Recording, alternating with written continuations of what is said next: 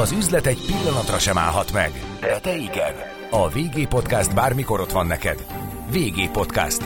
Becsatornáz a piaci hírek, pénzügyek, gazdasági trendek világába. Üdvözlök mindenkit, Andor Attila vagyok. Végül a legtöbb eh, elemző, illetve közvéleménykutató csalódott lehet a francia elnök választás eredményét illetően, ugyanis szoros versenyre számítottak, sokat cikkeztek akár Löpen lehetséges győzelméről, végül Macron, Emmanuel Macron az eddigi elnök magabiztosan hozta a szavazatok többségét. A vonal túlsó végén Somai Miklós a Világgazdasági Kutatóintézet tudományos főmunkatársa. Üdvözlöm! Jó napot kívánok! VG Podcast. Becsatornáz a piaci hírek, pénzügyek, gazdasági trendek világába. VG Podcast. Üzletre hangoló. Miért lehet ez a kettősség? Mi a véleménye? Igen, csak mellé lőtt mindenki. Hangosabb volt az ellenzék? Én úgy gondolom, hogy ez végül is papírforma eredmény. Lehet, hogy voltak találgatások, és ezzel is, ezekkel a találgatásokkal is valamilyen módon azért lehet orientálni, vagy manipulálni akár a szavazó, szavazókat, tehát hogy ne maradjanak annyira otthon, de így is azért elég nagy volt a, a távolmaradás, amennyire én látom az eredményeket, a 28% a, szavazóknak otthon maradt, és aki elment, ott is olyan 8,5 százalék érvénytelenül szavazott. Tehát elég, eléggé kevés lesz a támogatottsága vagy felhatalmazása Macronnak, de ez öt évvel ezelőtt sem volt nagyon más. Kevés lesz a felhatalmazása? Azért itt ugye 57-58 százalékos eredményről van szó. Igen, de ugye azt kell nézni, hogy a szavazásra jogosultak hány százaléka áll mögötte. Az igazi adat az első forduló eredménye, ott kb. 20 százalék jött ki, most pedig 38 és fél, de nyilván ebben, hogy is van, az is benne van, hogy aki Macronra szavazott, az inkább egy részük az nem Macronra szavazott, hanem Marine Le Pen ellenében. Tehát itt protest szavazat volt. De azt gondolja, hogy olyan hangulat alakult ki Franciaországban, hogy ez a protest szavazás kifejezés megállja a helyét? Hát itt, itt azért minden intézmény, a legtöbb pártnak a vezetője úgy állította be ezt a második fordulót, hogy itt most a, a világ végét kell elkerülni, vagy a fasizmust, vagy én nem tudom, valamilyen ijesztő jövőképet. Nyilván ez, ez régóta benne van a, a hogy is mondja, a tudatban, az emberi tudatban, mert az édesapja ennek a hölgynek ugye nyíltan vallott nagyon extrém jobboldali nézeteket, ő már azért enyhébb, meg ugye a saját apját kirúgta a pártból a nézetei miatt annak idején, bár én nem vagyok politikai jellemző, de, de én azt hiszem, hogy ez egy egész, egész más vonulat, és az öt évvel ezelőtti löpen is más volt, mint a mostani. Ezzel együtt az emberek számára ő megmarad annak, amit megbélyegzi a, a, a fősodratú média. Tehát azért ezt láttuk a Covid válságban, vagy az ukrán válságban, bármikor, amikor a média nagyon egyöntetűen megmondta, hogy hogyan kell helyesen gondolkozni, ez hatott az emberekre, és szerintem ez most is így volt. Akkor tulajdonképpen valóban, tehát Azért Löpen nagy túlélő, én azt gondolom. Hát réges-régen benne van a francia politikában a neve. Ő egyre erősödik, azt hiszem ezt kimondhatjuk. Mik a, mi a, az ő helyzete most? Mik a lehetőségei? Hát ez nagyon nehéz megítélni, mert amikor olyan helyzetbe kerül, a, tehát így a választások során, ahol már szemben áll a, az ellenfelével, és tehát ő ott van az első kettőben, nekem néha az az érzésem, hogy szüksége van a rendszernek erre a nőre. Tehát ha visszaemlékszik, nem is volt biztos, hogy, hogy indulhat, és nem csak ő, hanem a Zemúr, meg a talán még a Mélanson is, meg még egy pár jelölt volt, úgyhogy nagyon kevés támogatottságot tudtak összegyűjteni ahhoz a polgármestereknél, tehát ez egy ilyen feltétel volt, hogy 500, 500 ilyen parenázs, tehát ez a támogatás összejöjjön, és akkor belenyúltak kézirányítással a rendszerbe, és megadták neki. Tehát ott, ott, ott nem volt gond, hogy, hogy milyen a múltja a pártjának, vagy a családjának, bármi. Tehát a rendszernek szerintem szükség van egy Marine Le Penre, pont azért, hogy vele el, bárki áll vele szemben, az a bárki fog győzni, mert, mert a rendszernek megvannak az emberei, és olyas valakit kell föltolni a második helyre, aki viszont megválaszthatatlan, legalábbis a, a lakosság zömének a szemében. És erre a szerepre kiválóan alkalmas, még akkor is, ha van egy kis elmozdulás most fölfelé, de azért messze van. Ez a 41,5 százalék az nagyon messze van még. Ő ugye elsőprő győzelemként kommentálta az eredményt, igaz, azért kevesebb politikust látunk, aki kemény vereségről beszél a választás éjszakáján, látunk, de kevesebbet.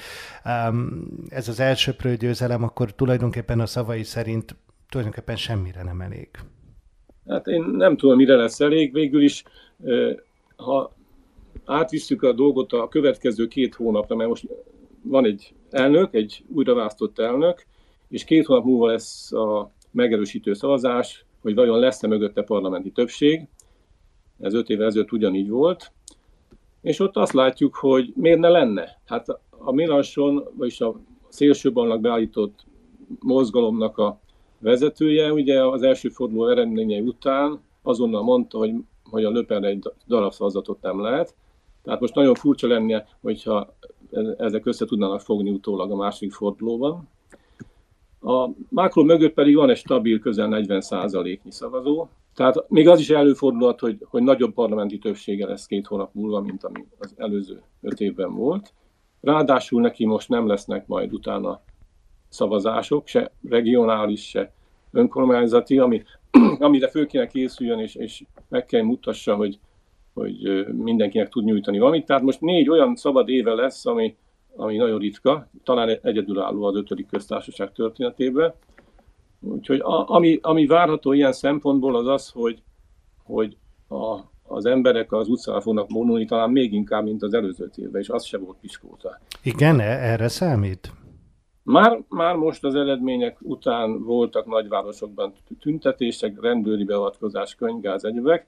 Én attól félek, hogy ez erősödni fog, mert ugye itt most végül is két rossz közül kell választani, mert azért Macronnak a támogatottsága mondva az olyan szűk 40 százalék most, hogy a többi párt szint vallott, tehát a hagyományos pártok közül mondjuk a republikánusok, vagy a például a, a zöldek nagyon átszavaztak rá, de ez azért kevés önmagában, és a társadalom zömének a elégedetlensége az továbbá is fennáll. Ezzel, ezzel magyarázza a sok érvénytelen szavazatot? Azért ez itt messze-messze nagyságrendel több volt, mint a, a szokásos, gyakorlatilag 28%-os tartózkodásról beszélünk. Az érvénytelen szavazatokra, illetve a távolmaradókra gondolok.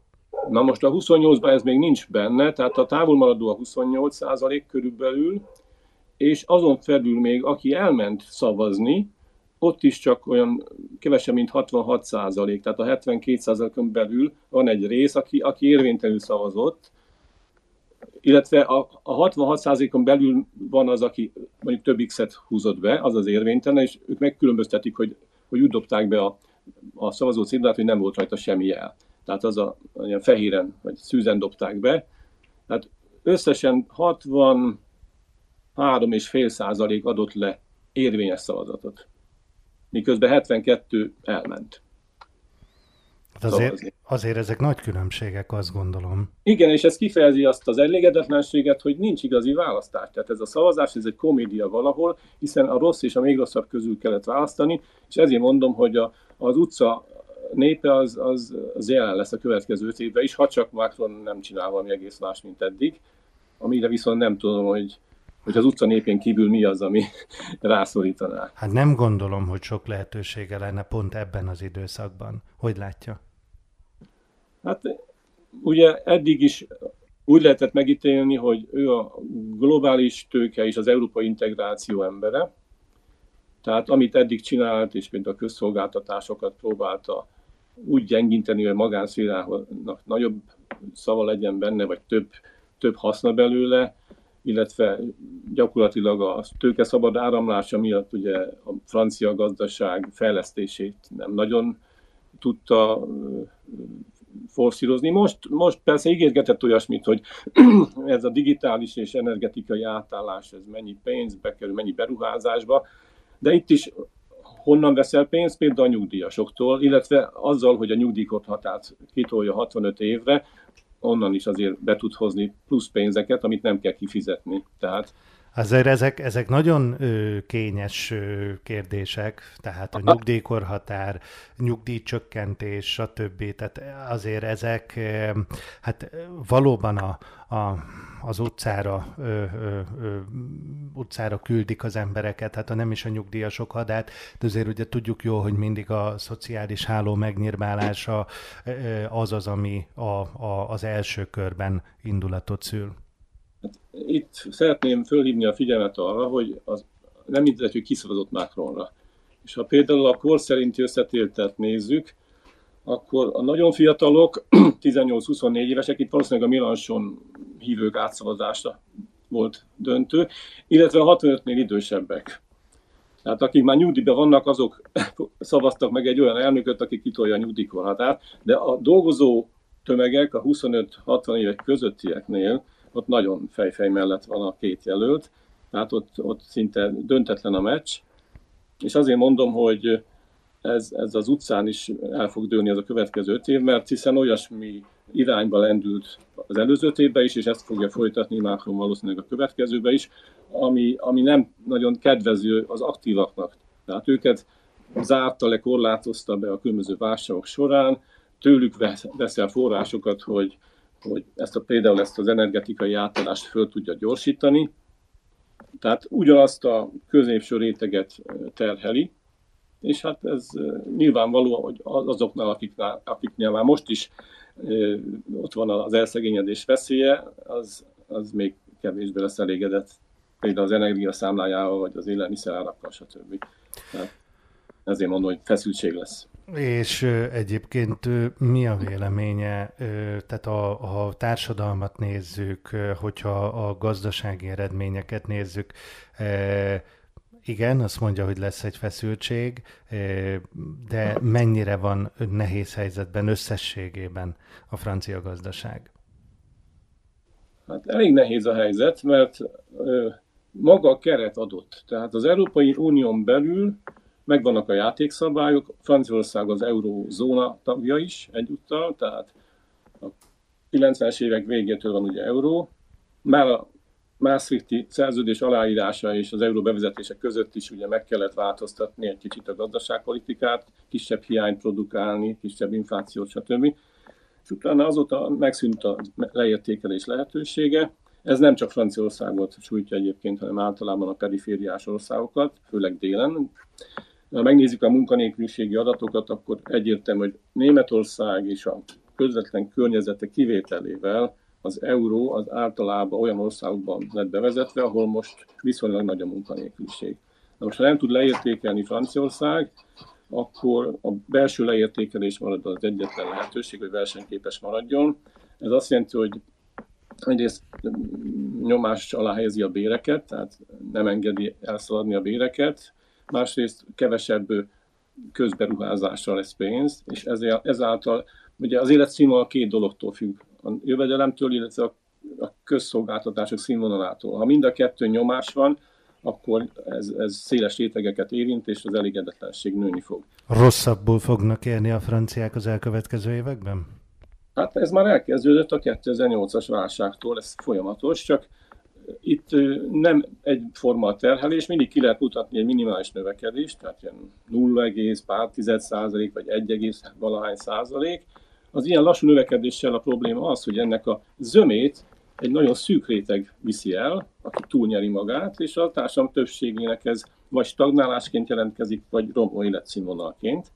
Tehát most már ezek a változások már tartanak már tizenvalahány éve, ami azt jelenti, hogy kezdik észrevenni az emberek a saját bőrükön, hogy egyre nehezebben jönnek ki a hónap végén, vagy egyre a fiatalok látják, hogy egyre szűkebbek a lehetőségeik, egyre drágában jutnak lakhatáshoz, kiszorulnak esetleg a bizonyos kerületekből, albérletben laknak sokáig, nagyon nehezen kapnak, jutnak saját lakáshoz, sokáig kell a, a szüleikkel maradniuk, stb. Tehát ezek hogyha, a... hogyha a fiatalok ilyen nehéz helyzetben vannak, akkor el tud képzelni egy olyan forgatókönyvet, hogy abszolút elfordulnak Macrontól. Öt év múlva a még nehezebb helyzetbe kerül Macron elnök?